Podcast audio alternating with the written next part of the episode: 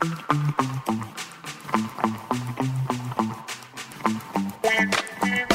היי גילי. ניב! היי, שני אבירם שמקליטה, היי נערה מלכין שעורכת. היי למאזינות ולמאזינים, אתם על תרבות יום א', שהוא. פודקאסט התרבות של עיתון הארץ. ש.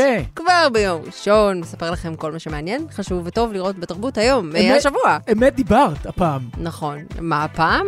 תמיד אני מדברת לא אמת, אני תמיד, אדם לא- אמין. לא תמיד, אל תשלי ואל תרמי. אני אדם אמין ואני דוחה מכל וכל את הרמיזות האפלות שלך. כן, אז ספרי גם לי, גם למאזינות וגם למאזינים, מה יהיה איתנו השבוע? השבוע נדבר על The Last of Us, האחרונים שבינינו? האחרונים שבינינו, האחרונים מבינינו, תרגמו את זה.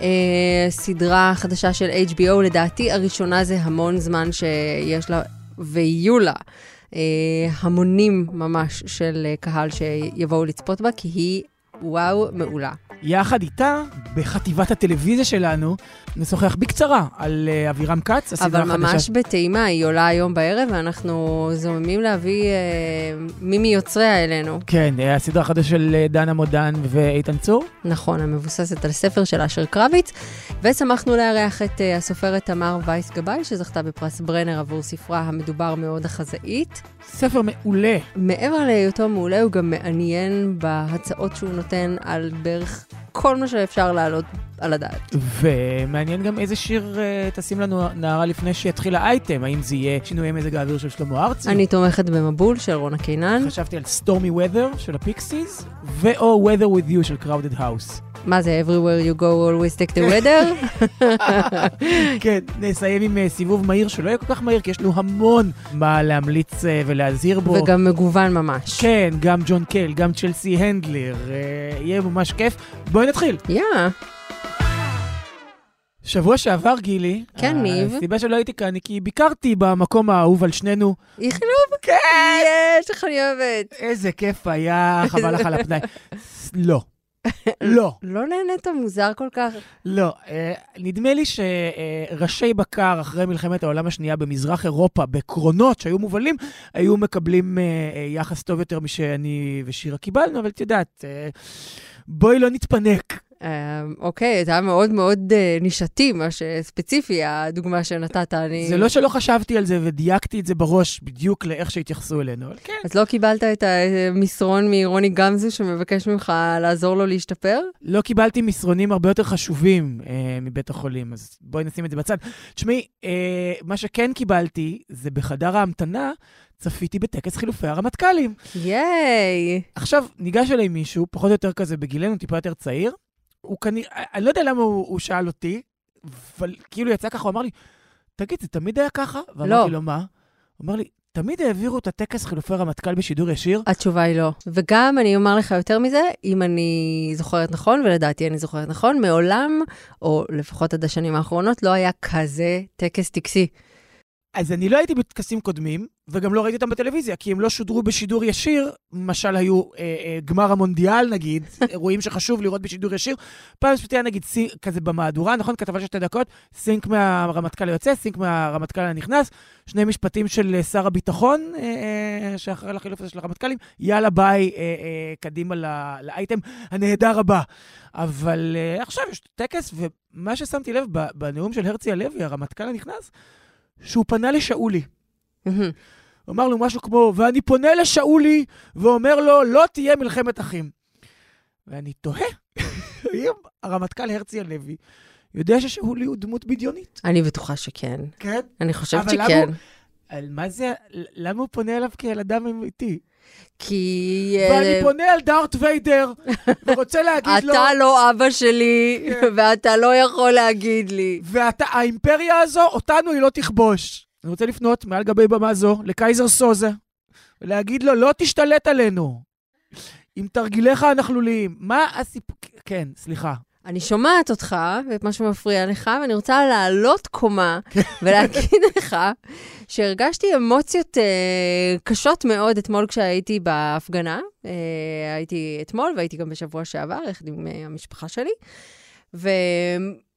אנחנו, אתה יודע, אתה מגיע כולך טעון ומלא נכונות אה, ללכת את הכברת דרך הזאת בעבור הדברים שאתה מאמין בהם, והשקפת העולם שלך המאוימת כרגע מאוד, ואז אתה יושב שם, או זאת אומרת, עומד שם, וממתין שיקרה איזה משהו, ועולה עברי לידר. כן. והוא אומר... אני יודע שרציתי לאהוב. ואתה עומד בסימן שאלה על פניך. רגע, את מתכוונת לעברי לידר שלפני כמה חודשים הופיע באירוע של עמותת אלעד? אותו אחד, כשבמקרה. היה לו גם אירוע בהבימה, אז הוא אמר, אני אעצור, אני אשיר שיר. אני חייבת להגיד שיש כל כך הרבה קרנפים וכל כך מעט אה, אומנים שמוכנים אה, לעמוד מאחורי אה, רעיונות שהם מאמינים בהם, שאני כן מעריכה את זה שהוא הגיע, כן מעריכה את זה שמיקי גבריאלוב שהגיע אתמול בשביל השיר, אני ואתה נשנה את העולם, אבל אני גם מתפוצצת מאובדן העזוז והאנרגיה. קומו על הרגליים כבר! די כבר עם רשת ג' ביום הזיכרון, שיגעתם אותנו, תנו לא, לנו. זה... וכל מה שקורה בהפגנות האלה, זה שאנשים עולים לבמה ואומרים, אנחנו צריכים להילחם, וכולם אומרים להם, כן! ולזעוק בושה, כן! ולצאת לרחובות ולהתנגד בכל האמצעים החוקיים העומדים לרשותנו. ואנחנו צריכים להגיד לנתניהו, אנחנו לא, בכל הצורה החוקית בלבד שאפשר לחשוב עליה. ונתאגד ביחד, ובמתינות רבה זה כאילו נפעל. ייעוץ משפטי עבר על הנאום לפני, אבל זה לא, זה, את יודעת מה? זה לא זה מה שמפריע לי. מפריע לי הפורמט. מפריע לי זה, את אומרת, כל הכבוד למיקי גבריאלוב, רוצה לבוא? תבוא, תהיה בקהל. למה אתה עולה על הבמה? בוא, תצעד ביחד איתנו. תביא תוף, תביא תוף מרים. לא, זה כאילו לא היה בלפור, ששם ההפגנות לא היו היררכיות, ולא היו נאומים, ויכולת ללכת לפה, והיו תופים, ויכולת ללכת לשם, והייתה מקהלה, והיו שם אנרגיות שהן חורגות מהטקסי זיכרון הרגילים האלה. הפורמטים האלה, המקובעים של טקסי זיכרון למחנה השלום, זה עבד עליהם הקלח, וזו בדיוק, זה, זה חלק מהסיבה שאנחנו עדיין מדשדשים, ושהכול נראה אותו דבר, ושהכול זה תוך כדי התנצלות. די, המשחק הוא אחר. צריך להגיד, כאילו, הח- החוקים השתנו, וצריך uh, לעבור לפורמט אחר, סליחה. איך אה, מירה ואחינועם היו אומרות, ניב? כן? There must be another way. היי, אני נטע אחיטוב, ואני רוצה לספר לכם על פודקאסט חדש, מדעי הארץ. פודקאסט המדע של עיתון הארץ והאוניברסיטה העברית בירושלים. בפודקאסט הזה אנחנו עונים על השאלות שמאחורי השאלות. איך המציאו המצאות פורצות דרך, ומה הופך אותן לכל כך חשובות. בכל פרק נגלוש על גלי המאורעות, המחשבות והתקופה, וננסה להבין את הסיפור מאחורי ההמצאות והתגליות הגדולות בהיסטוריה. במושגים של היום הוא אה, משהו בין מגלומן שמכופף את הכללים למישהו עם אתיקה מאוד מפוקפקת. איינשטיין כבר היה סלב אז, שהוא לכל מקום שהוא הלך, הלכו איתו הרבה אנשים. כל האישיות של בני אדם, טוב ולרע, נמצאת במדע. אז חפשו מדעי הארץ בכל מקום שבו אתם מאזינים לפודקאסטים. נבקה, בוא נתחיל באבירם כץ. יאללה. אתה יודע, דנה מודן בדרך כלל עושה את הדברים שלה, ולא מאבדת סיפורים קיימים וזה, אבל הייתה קורונה, אה, והתגלגלה ההצעה לפתחה, והספר אה, לכתוב כמו אלוהים של אה, אשר קרביץ, שהוא מין מותחן על אה, סופר שמסתבך בגניבה ספרותית שהופכת למשהו גדול הרבה יותר מזה. מותחן ארס־פואטי? אפשר לקרוא לזה? פואטי, כן, התגלגל אה, לפתחה, אה, והיא איבדה אותו, אבל כמו שדנה מודן מאבדת סדרה, היא הפכה אותה לשלה. זה קצת מזכיר לי, את יודעת מה? את uh, העונה הראשונה של Killing Eve, מהמם, שמבוססת על הרומנים של uh, וילנל, מהמם. uh, uh, של הדמות הזו, ושפיבי וולר ברידג' לקחה אותם ועשתה מזה משהו משלה. ואחרי שהיא עזבה את זה, גם uh, חלה הידרדרות קשה באיכות הסדרה, אבל בעונה הראשונה זה היה ככה. מישהי שכל מה שהיא עושה הוא תמיד שלה, והיא לוקחת משהו שהוא לא שלה, והופכת אותו לשלה. אם אז- אמרתי את המילה שלה מספיק פעמים? אני חושבת שכן, שלה. אה, טוב, משהו שלה שלה. משהו שלה שלה. בקיצור, מה שקיבלנו, ויעלה הערב אה, בכאן 11, אה, היא סדרה שרק נראית כמו סיפור מתח, אה, או כמו איזה רומן בלש, ולמעשה היא 80 דברים אחרים אה, במקביל ובהסתעפויות שונות, וגם סיפור בתוך סיפור, סיפור על איך כותבים סיפור, סיפור על איך זה להיות סופר, קנאת סופרים. קנאת סופרים, ובגדול מין יצירה שפשוט מתפקעת ועסיסית מכל מה ששמו בתוכה, וזה הרבה. אבל זה לא רק ההסתכלות מהזווית הספרותית, זה גם מאוד מהנה, זה מצחיק, זה מותח, כאילו, זה לא רק אה, דיון אקדמי ב... לא, לא, לא, לא. באיך מספרים סיפור. אבל כן, בואו נספר על מה הסיפור. כן. אה, אבירם כץ הוא סופר שלמרבה הצער הצלחתו הייתה, אבל לא בשנים האחרונות. עתידו מאחוריו. כן, במידה רבה. והוא נמצא במשבר אה, יובש אה, רציני מאוד, הוא לא מצליח אה, להתחיל ספר חדש. הוא מאוד ירושלמי, שזה אגב גם משהו, נגיד, מאוד לא דנה מודני, ש... נכון. יש בה משהו כל כך תל אביבי. הוא זה אגב אה, יחזקאל עזרוב. למזלו, הוא מקבל הצעה לכתוב אה, סיפור בהמשכים בתשלום נאה לעיתון מאוד מאוד גדול, והוא מסכים. אה, אבל... כי הוא צריך את הכסף, כי עוד שנייה מפנים אותו מהדירה. בדיוק, אבל uh, כשהוא מנסה לכתוב, הוא מגלה שהוא לא ממש מצליח, אבל אז השכן שלו, שהוא uh, פרוקטולוג מבוגר וערירי, שולח לו איזה סיפור שככה נבע ממנו בשצף קצף. לא, השצף קצף הזה, אני לא... שצף זה קצף. פשוט התפרץ ממני, זה פשוט קלח. זה פשוט יצא ממני זה בשצף הסצנות קצף. הכי מצחיקות, שההוא במחסום כתיבה שלו בא לו לדפוק את הראש בקיר, שותה בקבוקי וויסקי, מסניף ומעשן רק כדי שתצא לו מילה אחת, ובא אליו השכן הרופא ואומר לו, זה פשוט קלח ממני, אני לא יכולתי. לעצור. אז הוא ניגש אל הדבר הזה שקלח מהשכן שלו, ומגלה שלא סתם שמדובר בסיפור טוב, זה הסיפור הכי טוב, הכי מעניין, הכי מרתק, הכי חי, הכי, הכי טוב שהוא קרה בחיים שלו, ואז הוא פשוט מחליט לגנוב אותו. וכדי לקבל אישור על זה שזה היה הצעד נכון, אז גם פתאום מסתבר שהשכן הערירי שלו אה, נפגע בתאונת אה, דרכים, וכעת הוא מורדם ומורשם.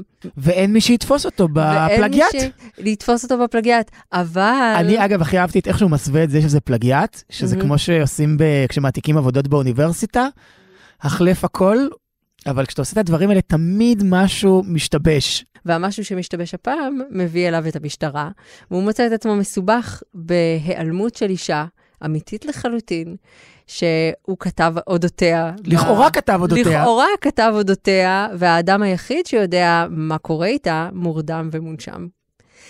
זה הבריף של אה, איך אבירם את כץ. עושה את זה טוב, באמת. אני חייבת זה- להגיד שצפיתי בחמשת הפרקים שקיבלנו, כי אנחנו מיוחסים, ו... כי היית צריכה לראיין את דנה, היית צריכה, היית חייבת. הי- או... העורך התקשר והטיל עליי משימה לראיין את דנה מודן. זוכרת שפעם היו מתחילות ככה כתבות בעיתון? אה, בעיתונים מסוימים הן עדיין מתחילות ככה, אבל... אבל... אה, את התוצאות, אגב, יהיה אפשר לקרוא בגלריה בסוף שבוע הזה, הרעיון שקיימתי עם אבל דנה אני מודן. ממש כן. ממש רוצה להפציר במאזינים שלנו לגשת ולראות היום את uh, הפרק הראשון של אבירם כץ, פשוט כי מדובר בסדרה כל כך כיפית ומהנה וחכמה ומענגת, והיא מלאה בגנבות. אה, קולנועיות, טלוויזיוניות, ספרותיות, מכל סוג שאפשר אה, להעלות על הדעת, ועצם הניסיון לעקוב אחרי כל הסצנות הגנובות האלה הוא מגניב בפני עצמו. כן. אה, ואני חושבת שאנחנו ננסה להזמין את היוצרים של הסדרה הזאת לכאן, אז אולי... כן, בואי- בואי נעצור פה, רק נגיד ששתי הדמויות האהובות עליי זה השוטרים כמובן. כמובן. מאז סופרבד לא היו כאלה שוטרים, דנה מודן ויניב ביטון. ממש, פאוור קאפל של כן, אה, ב- שיטור ב- ב- ברמה אני אומר, הגבוהה. אם באים לעצור אותי, שזה יהיה הם. שזה יהיה הם, הלוואי. את יודעת מה, יותר מזה, אם הם באים לעצור אותי, אני... אתה בא. If you don't think there's hope for the world, why bother going on?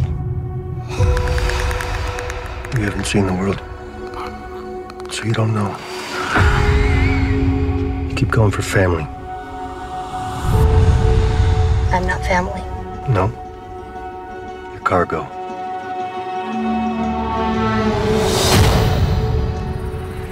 Why are you so important? ובמעבר חד, אפרופו גנבות, ורעיונות שכבר אה, הכרנו וראינו בעבר, אבל לא ככה, את חושבת? אני חושבת. כן? רק לפני שנה הייתה, רגע, אנחנו מדברים על The Last of Us, נכון? האחרונים Last of Us. האחרונים מבינינו, האחרונים שבינינו.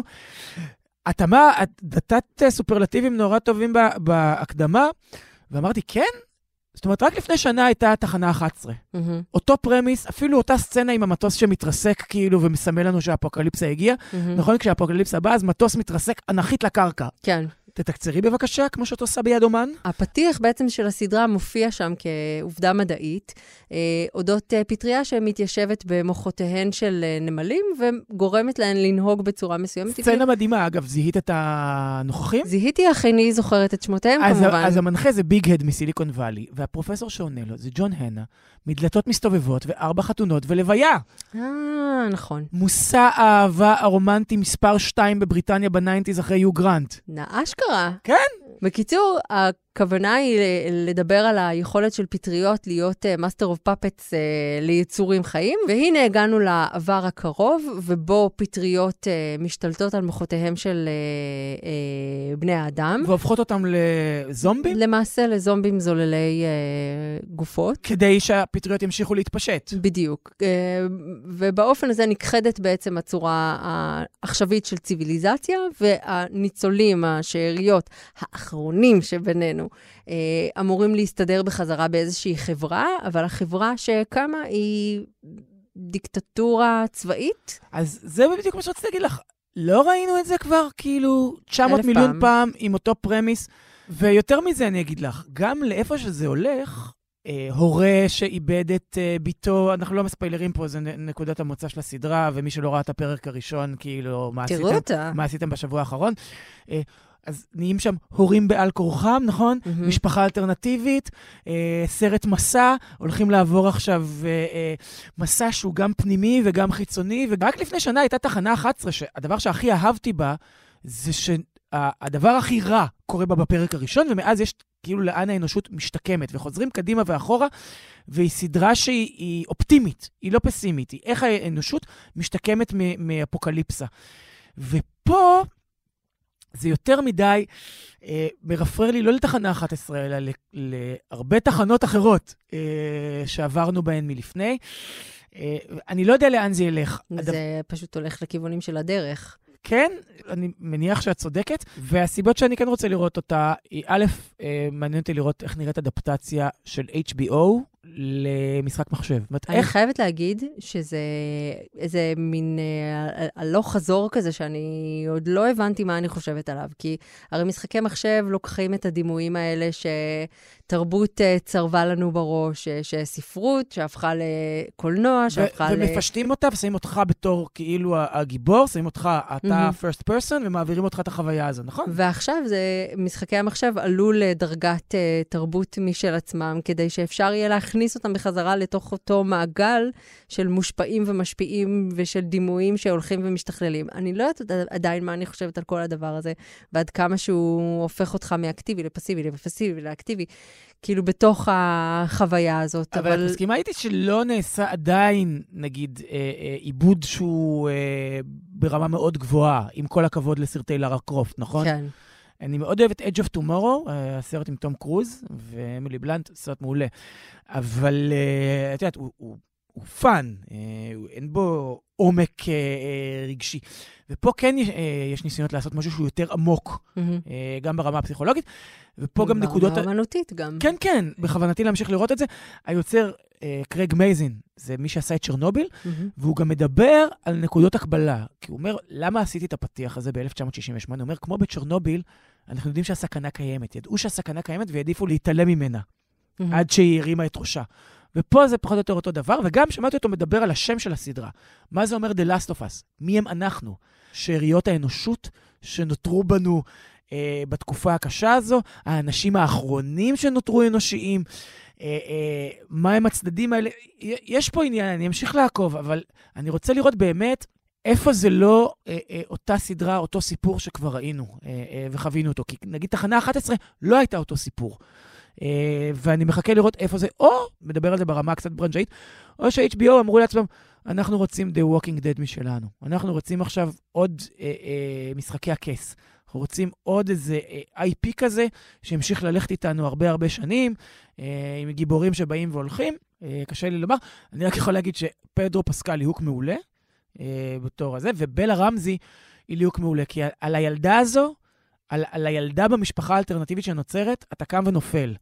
כאילו אם היא חמודה מדי, או ממזרתה כזו, אתה יכול, אה, זה- יכול להיות too cute. בלה רמזי, צריך אה, לציין כן. בכוכבית, היא... אה, בוגרת משחקי הכס. בוגרת היא- משחקי הכס. איך קוראים לסרט? בירדי? ליאנה סטארק, והיא הייתה אה, משהו, משהו נעים ברדי, הסרט של אה, לינה דנאם. שעפנו עליו לפני כן. אה, כמה שבועות, כן, ועוד לפני זה היא הייתה המכשפה הגרועה ביותר בעולם בסדרה בנטפליקס, והפרצוף הכי אה, מוזר ומעניין אה, כן. שנמצא כרגע על המסך. אה, אז כן, בואו נעקוב. היא הולכת למקומות, הילדה הזו, אה? היא הולכת למקומות, כנראה למגדל הרדיו אי שם בתוך אה, השממה של ארצות הברית. כן. אם נשרוד את המבול הפעם, כל חיוך יהיה שונה, נגוע. אה, אנחנו שמחים לארח כאן את כלת פרס ברנר לשנת אה, 2022, אה, הסופרת תמר וייס גבאי, שזכתה בפרס על אה, ספרה החזאית, שיצא בהוצאת לוקוס, נכון? נכון. בעריכת אה, מיכל זכריה. אה, הספר יצא כבר ב- אה, באביב, נכון? באביב נכון. 2022, ועכשיו בעקבות הפרס הוא מקבל איזו כזאת תנופה מחודשת. אני רוצה לתקן שלדעתי זה מסוג השיחים השחורים האלה, שקצת כמו שקרה בספיר, שעקפו בסיבוב הרבה מאוד ספרים אחרים, לכאורה, שהיו הימורים בטוחים יותר, כי החזאית הוא ספר uh, קטן, רזה וממזרי, על נושא שבדרך כלל לא כותבים עליו ספרות. שהוא? שהוא מותר לי לה- להניח שמה שכולם קוראים הוא מה שהתכוונת, שהספר הוא מתמודד עם שאלת האקלים. אה, כן, הנושא של אה, המילים משבר אקלים לא מוזכרות בו כלל, אבל אה, הוא ספר על יחסי אדם וטבע, גם בהקשר של אקלים וגם בהקשר של אה, בעלי חיים. קודם כל, הספר מספר על שלושה דורות מאותה משפחה. כל אחד... שלוש דמויות, כל אחד מהם הוא כן. פרק בנובלה. כן. אה, הח- החזאית, המורה והנערה והדג, נכון. וכל אחד מהם מציג איזושהי פרספקטיבה אחרת, גם כלפי החיים, הם כולם אה, מתגוררים באותה עיירה. מדברית כן. דרומית שסובלת תדיר או מאוימת תדיר מהסכנה של שיטפונות. נכון, ולכל אחד מהם גם יש יחסים אחרים עם הטבע, או כל אחד מהם יש לו אינטראקציה אחרת, זאת אומרת, גם מחשבתית וגם איך שהוא פועל פיזית מול הטבע, וכל אחד מהם באיזשהו שלב בפרק שלו מתמודד מול סוג של איתני טבע, ונדמה לי ש, שזה בין הסימביוזה לקונפליקט כל הזמן. נכון, כי כל אחד מהם גם בפני עצמו, זה לא שהוא נשאר בעמדה שלו ומוביל אותה, אלא כל אחד מהם גם נע על איזשהו ציר ועובר איזשהו שינוי. מבחינתי זה ספר מתח. זאת אומרת, אני ממש הייתי מתוח. יש שם סצנות שהן... שהן מותחות, אה, כשהחזאית, אני לא, בלי לספיילר, כשהיא רצה ומה שקורה אחרי, זה סצנה מסרט מתח בואכה כמעט אימה. אה, המורה כשהוא בבור, נכון. אה, גם, זה הכניס אותי לאיזה מין סטרס כזה, והנערה בסוף, טוב, אני לא... לא, לא כן, אני לא. יודעת כמה זה, זה מצד אחד מתח, אני לא יודעת מצד שני כמה זה עניין של ספוילרים, כי זה לא שהסוף זה מה שיודעים מי הרוצח. נכון, זה, אבל נורא... כן. אבל... אבל אה, לא, זה בסדר, אפשר להשאיר את זה לקורות. יש איזה. משהו להישאב במתח עצמו, בלי שמישהו מספר לך מה, מה מותח. נכון. אה, אני יכולה שאלה מקדמית ולשאול בכלל על הרעיון להקדיש כתיבה, להקדיש ספר לנושא הזה, ואיך את מפרקת אותו בפני עצמך במבנה המשולש הזה? יש כאן כמה דברים. ישנו העניין הביוגרפי, איפה אני בתוך זה ומאיפה זה, וישנו ישנו העניין של אסוציאציות שבאות לך ואת עוד לא יודעת על מה הן נופלות, אבל את מרגישה שיש פה משהו שאת רוצה לטפל בו. ומה שאני חושבת שאני מבינה בזמן האחרון, זה שאני בעצם, אה, רוב החיים שלי חיה באיזושהי... אה, איזשהו מבט מבחוץ. של מי שמסתכלת ב- בסיטואציה, ועוד יותר עם השנים, עם הכתיבה, עם גם אולי ההורות והבאה של עוד יצורים חיים לעולם, אז יש לי יותר ויותר אה, מודעות לזה שאני אגיד ככה משהו קצת גדול, לזה שהחיים שלנו כאן הם איזשהו הבהוב בין, בין הרבה לפני והרבה אחרי שאנחנו לא נוכחים בו, לפחות לא בצורתנו הפיזית, ושהנוכחות שלנו כאן היא מאוד פיזית, מאוד פיזיולוגית, מאוד ביולוגית, וזה מאוד מקשר אותי לחוויה הזאת של, של טבע, של, של, של היותנו אה, יצורים באיזשהו מרחב, באיזושהי סביבה, בבית גידול, ו- וזה הבסיס בעיניי. עכשיו, זה מאוד מעניין אותי.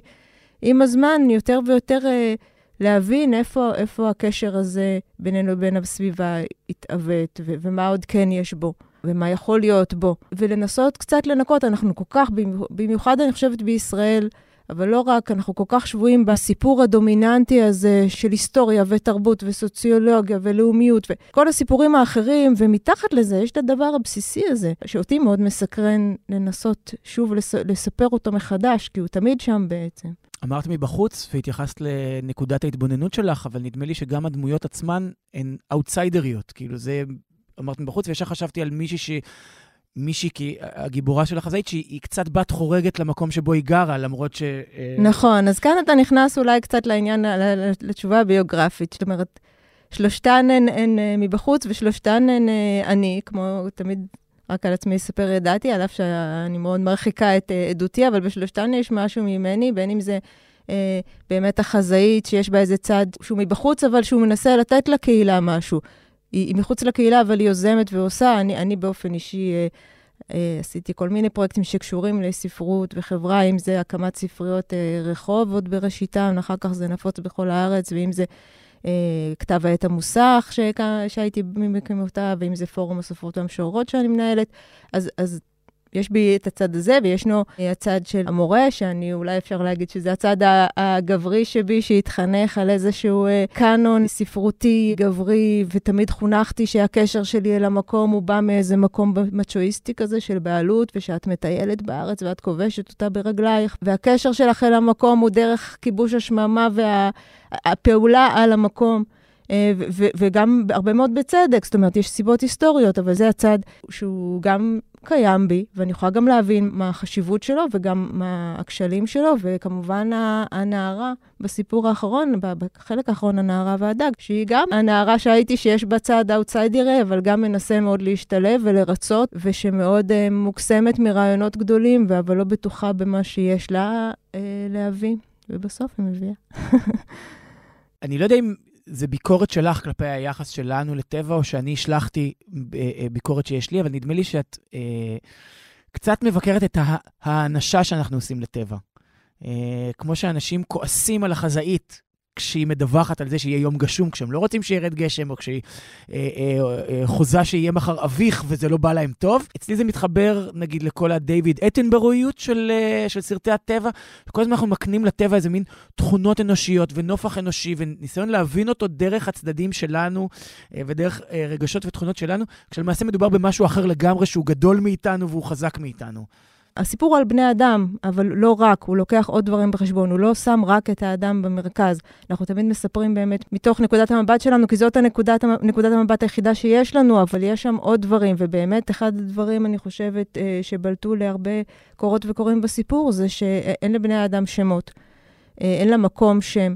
יש איזושהי הזרה של כל המקום הזה, ויש גם לפעמים איזו נקודת מבט, אני לא יודעת אם אתה זוכר, אבל יש רגעים שנגיד במקום להגיד הגיעה שעת הצהריים, אז פשוט נאמר שכדור הארץ הסתובב. והפנה את פניו ככה שהשמש נראתה לבני האדם במרכז השמיים, והם קוראים לזה צהריים. וזה באמת פשוט מסיט קצת את נקודת המבט הרגילה, שאנחנו תמיד נהיה שבויים בה, אין מה לעשות, כי אנחנו אה, לכודים בתוך עצמנו, אבל אנחנו יכולים אולי לנסות לראות בה משהו מלבדנו. יש גם אזהרה בתוך, ביחסים בין הדמויות עצמן. נכדה קוראת לסבא שלה המורה. נכון. אה, מה יותר אזהרה מזה? אני פשוט אה, מאוד, אה, אני רוצה להמשיך את הרעיון שניב התחיל וענית עליו, על הפחד, ה, אני, אני חושבת שזה קשור לפחד, והרעיון הפחד קמאי כזה, והרעיון שאפשר וצריך ואתה אמור להכפיף את הטבע. אה, ולטפס על ההרים כי הם שם, ולגבור עליהם. זאת אומרת, יש שוב ושוב, מופיע בספר הציטוט מהזקן והים, זה נחשב במשך אה, דורות לגבורה, זאת אומרת, לפסגה של היכולת האנושית להתמודד עם הטבע ולגבור עליו. ואת מציעה פה בעצם משהו אחר לגמרי, או מין ויתור, או הגישה ענווה הרבה יותר. אז אני חושבת שכולנו, את יודעת, החשבון, החשבונייה נותנת לנו בראש בשנים האחרונות. תראי, אני חושבת שמה ש, שאמרת על פחד, זה מלווה אותנו. עד כמה שידוע לי עוד משחר הציוויליזציות, זאת אומרת, כל הסיפורים, עוד, עוד, יש עוד מיתוסים עתיקים, שבאמת מרגע שקמו ערים וקמה, וקמה תרבות, אז, אז הפרא הוא מאיים, והוא נועד לתרבט אותו ול, ולנהל אותו, ול, ו, ומראש כל הסיפורים ש, של, לא כל הדתות, אבל אה, חלק מהן, ואנחנו בתוכן, שמות את האדם כמי שינהל ו, וירדה בכל. ואני חושבת שהחשש הזה מהפרא וה, והעמדה הזאת, ש, שאנחנו ניתן לו את הכבוד, את ה... הוא, כן, פרא אציל, אבל כד, כדי שיהיה לנו fight כאילו הוגן, אבל, אה, אבל אנחנו תמיד שם, אה, יש לנו איזה היבריס שאנחנו נתקן את זה. ואני חושבת שכן היום מגמות, אה, עד כמה שאני יודעת, בנוגע לשמירה על הטבע, יש היום מגמה חדשה בעולם ש, שנקראת של התפרעות, של, באנגלית זה נקרא re-wilding. לפרם mm-hmm. מחדש. זאת אומרת, לקחת מקומות שכבר עברו איזושהי התערבות אה, אנושית ולנסות אה, להניח לזה. ו- ו- ולתת לטבע לשקם את עצמו. בישראל זה קיים אה, מעט, עכשיו מתחילים להכניס את זה בעיקר באזורים של בתי גידול אחים, שניל, ש- אה, ביצות, שבעצם ייבשנו כאן, אבל הן מאוד מאוד חסרות, כי ממש הן כמעט נכחדו כאן, וזה היה פעם מקור ל... גם ליצורים בנדידה, אז היה כאן מקום לעצור, והיה כאן עולם שלם שאיננו, ואני חושבת שאולי גם בספרות שלי אני מנסה אה, לעשות איזשהו, איזושהי התפרעות כזאת של, ה, של הסיפור, לא במובן ה, ה, שהסיפור נהיה פרוע, אלא במובן, במובן של פרא, במובן של, של שוב לתת לדברים את, ה, את המקום שלהם גם לדברים האלה. אני רוצה שנדבר איתך עוד רגע על הספרות ועל איזושהי הקבלה שיש בספר בין הטבע והספרות, אבל רציתי להעיר שזה, שעלו לי מחשבות על uh, מה שקרה בקורונה, אחרי שבועיים או שלושה של uh, סגר בבתים, ואנשים שיושבים ולא נעים על הכבישים ולא מגיעים לשמורות הטבע, ואז התחילו כל מיני כתבות בעצם על איך שהטבע מתעורר. וב... הטבע מתעורר, כן. מתעורר ומשקם את עצמו, והצבעים יוצאים... Uh, לכרמים ואוכלים אה, ענבים מה... וחזירי הבר שהשתלטו על חיפה. ויש... והייתה הי... איזו חדווה אנושית בזה, לא? כולם ככה... הייתה חדווה, כן. וגם... אה, אבל מתחת לכל זה הייתה לי מין תחושה של כמעט אימה קלה. של הופה, מה? הנה, זה קם עלינו. מה קורה פה? אולי כי זה גם מה שקרה, אני לא צוחק עכשיו, אולי כי זה גם מה שקרה בצ'רנוביל. כן. שפתאום נתנו לטבע אה, אה, להתעורר ולא התערבו בו אחרי כן, האסון הגרעיני שהיה שם. כן, זה מפחיד, זה גם כאילו פתאום, הנה, אפשר שניכחד וזה יהיה בלעדינו. זה אפילו מחזיר אותנו לכל מיני מראות איקונים מכוכב הקופים, אתה יודע, נכון. הסוף שלו שבו אתה מגלה שהפרא הזה שאתה נמצא בו הוא בעצם uh, בעתיד, ולא... בקיצור, כן, אז זה היה מין רגע כזה שאתה אומר, אה, רגע, אולי כל הזמן הזה, הטבע הזה מתכנן עליי דברים, או... אבל, אבל אני לא חושב שזה מפחיד, אני חושב שזה שם אותנו בפרופורציה, ואת היחסים שלנו אל מול הטבע בפרופורציה. אנחנו לא הורסים את הטבע, אנחנו הורסים את האפשרות שלנו לחיות בתוכו. הוא אחר כך ישקם את עצמו ויתאזן, הכדור יתאזן. זה אנחנו שלא נהיה חלק מהמשוואה.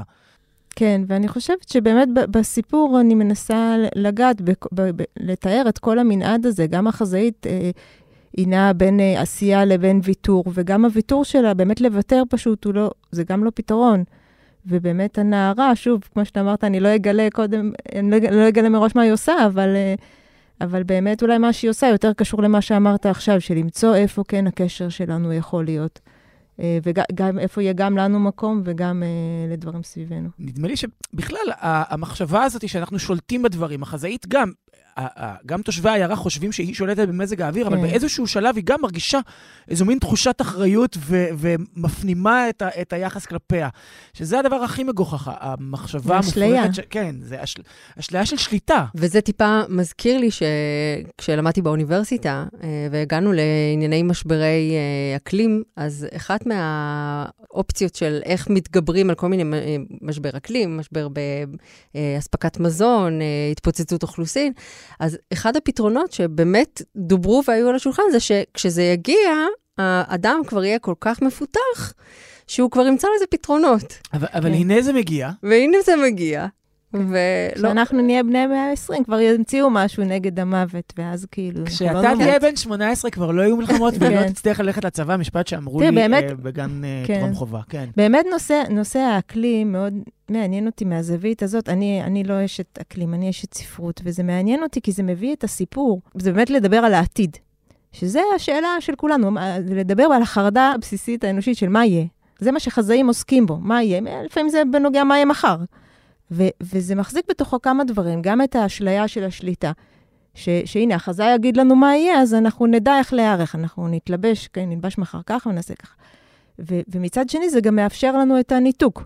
כי החזאי יבדוק, אנחנו לא צריכים לפתוח את החלון, את הד- את הדלת, לא צריכים לצאת החוצה, לא צריכים אה, להסתכל באופק, לראות אם באים עננים. אנחנו, אין לנו מושג. אנחנו, אנחנו איבדנו כל קשר עם הדבר הזה, כי החזאי הוא השליח. ואותו אותו נהרוג, או נקשיב לו, או לא נקשיב לו, או נכעס עליו, או, או, או מדעני אקלים. זה מחזיק את כל הסיפור הזה יחד בעיניי. אני רוצה שנדבר באמת על אה, איזושהי הקבלה בין אה, טבע לספרות שנרמזת שם אה, בתוך הטקסט שלך, וההערצה לספרות כאיזושהי פסגה של אה, עשייה אנושית, וגם ההערצה להתמודדות עם הטבע כאיזושהי פסגה אנושית, והמין סדקים או סימני שאלה לגבי האפקטיביות של ספרות. כאילו, האם זו הצורה העילאית של הציוויליזציה שלנו? ואולי צריך להתייחס לזה אחרת, כי אם אתה כופר בזה שהפסגה האנושית היא התמודדות של האדם מול החיה הזאת, כמו בזקן והים, אז אתה יכול לכפור בהכל. אז אני רוצה להוסיף על זה עוד קומה, שאת אמרת בן האדם, ואני חשבתי על בן הגבר. על הגבריות של סיפורים כמו הזקן והים ומובי דיק, ו- ושלוש המשאלות של uh, עם דג הזהב, Mm-hmm. שתמיד זה דייג. תמיד זה הגבר שהוא הוא יוצא מול איתני הטבע, ופה יש מישהי שהיא אישה. וגם היחס שלה הוא אחר אה, לטבע, זאת אומרת, אפילו שתי נשים, אחת יותר מבוגרת, אחת יותר צעירה.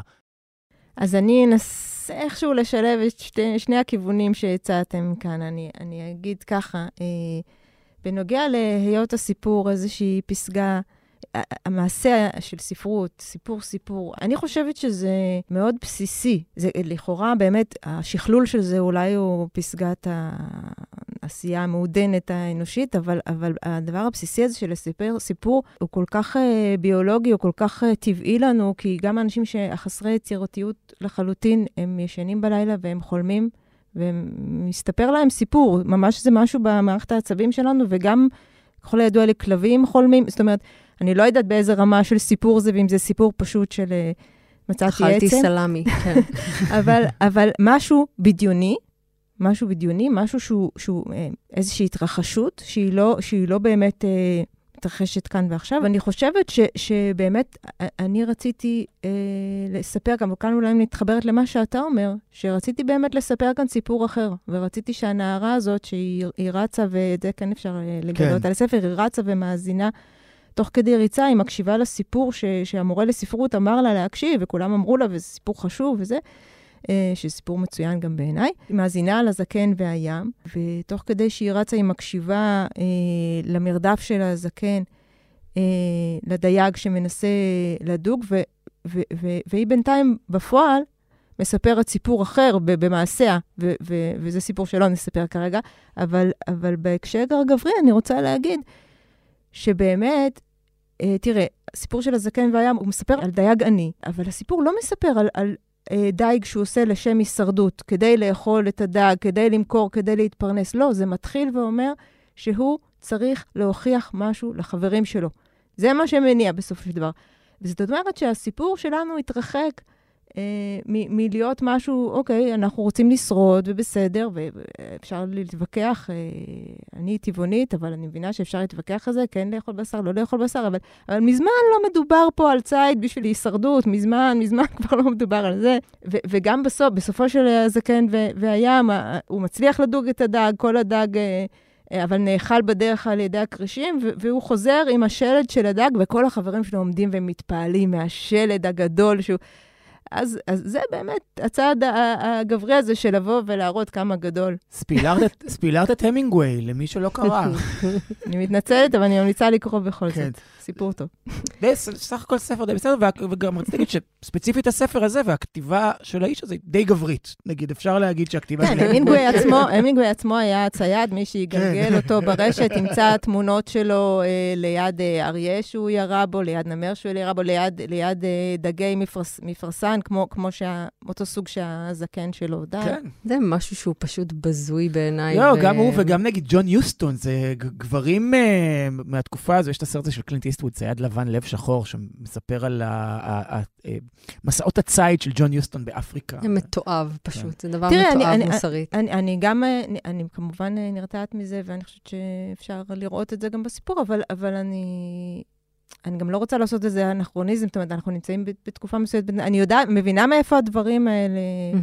באו. זה גם ניכר בכתיבה, אני חושב, וזה מה שהופך אותה ללא מוסרני, לזה שהדברים האלה עולים עכשיו בנושא שיחה, כי הם מובלעים בפנים בצורה מאוד אלגנטית, אם יורשה לי. אני מסכימה. תמר וייס גבאי, תודה שבאת אלינו. תודה תודה רבה, היה. לי מעניין איתכם. החזאית. אה, בכל חנויות הספרים אה, המובחרות. הוגשו. It's important to know when you don't have the skills to raise a baby, you know? Instead of shaming people, we should say, oh, good, good for you for knowing that you shouldn't have a baby. We should get a carbon credit for not polluting to mass population. בשבוע שעבר באיזה ערב, כתבתי לך, אה, גילי, תראי את המופע החדש של צ'לסי הנדלר. אה, לא ציפיתי, אבל נורא מצחיק. ואז אה, כתבת לי בחזרה, אה, שלוש אותיות באנגלית, M-E-H, שאני הבנתי שהן מה. נכון? זה מה שחשבת על ההופעה, על המופע הזה? אני, בוא, אני אומר את זה בצורה בוטה יותר, מה עבר לך בראש? זה הצחיק אותי בטירוף. בטירוף? בטירוף. אולי חייכתי פעמיים אני שהיא לא דיברה על הכלבים שלה. אני לא מחסידי הגדולים של צ'לסי. היא לא אה, מצחיקה אותי כלל. כי לא הצחיקו אותך בדיחות העל הורות שלה. לא הצחיק אותך שהיא מספרת שהיא עושה ב-10 בבוקר אה, פטריות עם הגנן. אפרופו אה, פטריות ודברים שמאיימים עלינו ב-The Last of Us, כן? זה פשוט, אה, לא אכפת לי ההלורות שלה, ולא מעניין אותי הפטריות אה, זה. והסיפורי זה זיונים היה- שלה לא מצחיקים בכלל, מה פתאום? אם זה היה מצחיק. אני שומעת נשים מדברות ככה על זיונים כל יום, כן? אם זה היה מצחיק, הייתי צוחקת, כן? אבל זה פשוט היה בלתי מצחיק. טוב, גילי, אה, נסכים שלא להסכים. זה נכון. בסדר שאין לנו את אותו סוג של הומור. חבל מאוד. אני חושבת. שזה נורא יצחיק נגיד, אותך. הצחיק אותי חלק מהסיפורים שלה על הכלבים שלה. זה נורא מצחיק, הסיפורים חלק על הכלבים. מזה צחקתי. והסיפורים הדייטים שלה בקורונה לא הצחיקו אותך? לא. לא. טוב, מודה שלא. בסדר. אז בעיניי זה מופע שהוא ממש אה, סימני הזמן. זה נכון, היא כאילו מדברת, אתה אומר לה בלבך מריע, אבל... לא, אה, לא, זה לא- זה אבל לא- מצחיק אותי, זה לא יצחיק אותי. לא, לא ברמת המניפסט שמחאתי לו כפיים. אני חושב שיודעת להפוך נושאים בוערים לבדיחות טובות, בסדר? אז אני אהבתי ואת פחות. מהמם. אה, אני אמליץ מה שנינו אהבנו באותה מידה. את התפריט, כן. כמובן. רגע, צ'לסי אלנר בנטפליקס אמרנו, התפריט זמין בדיסני? כן, אה, דיסני פלוס. פלוס.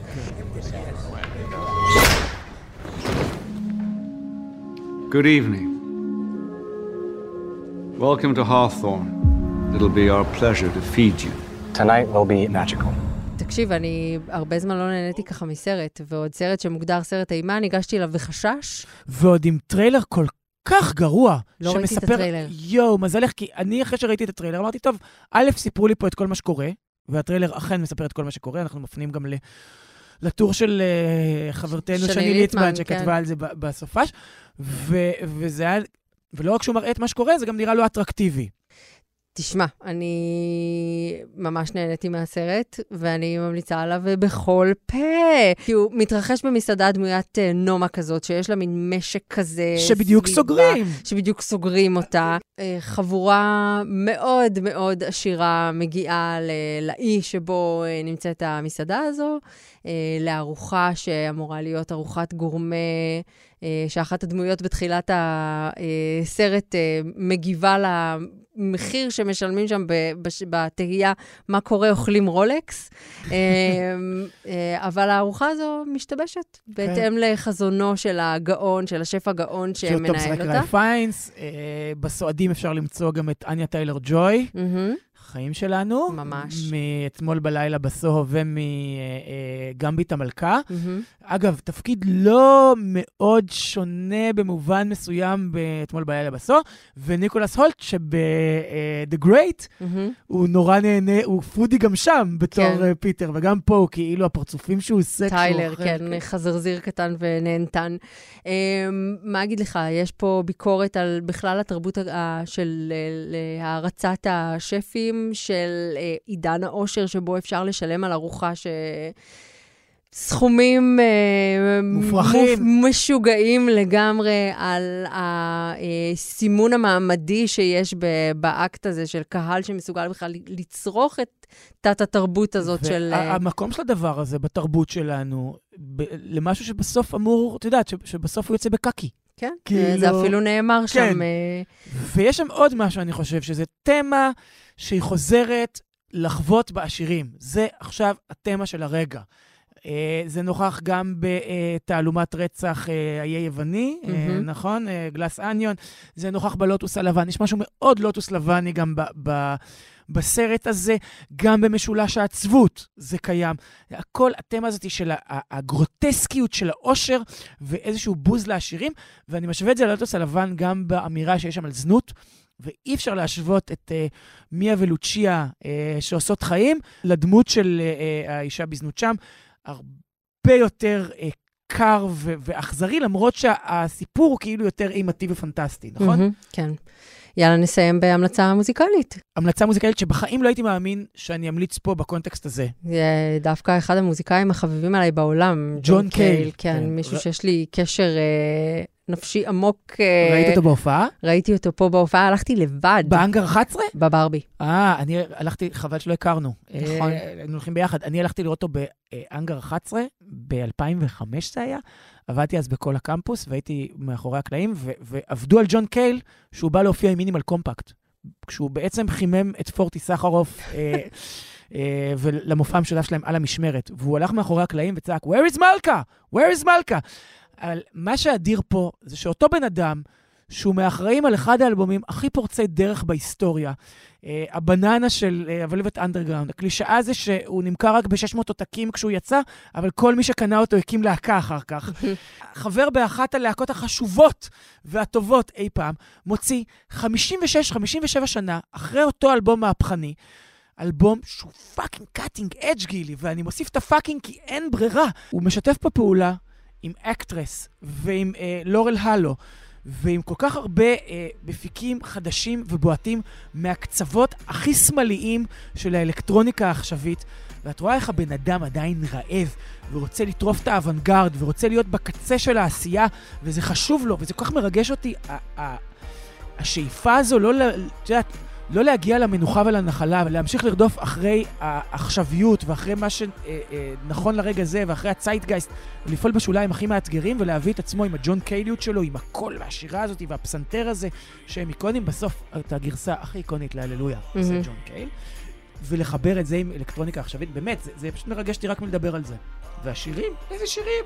אז אה, להקשיב, אתה אומר. אני אומר. יאללה.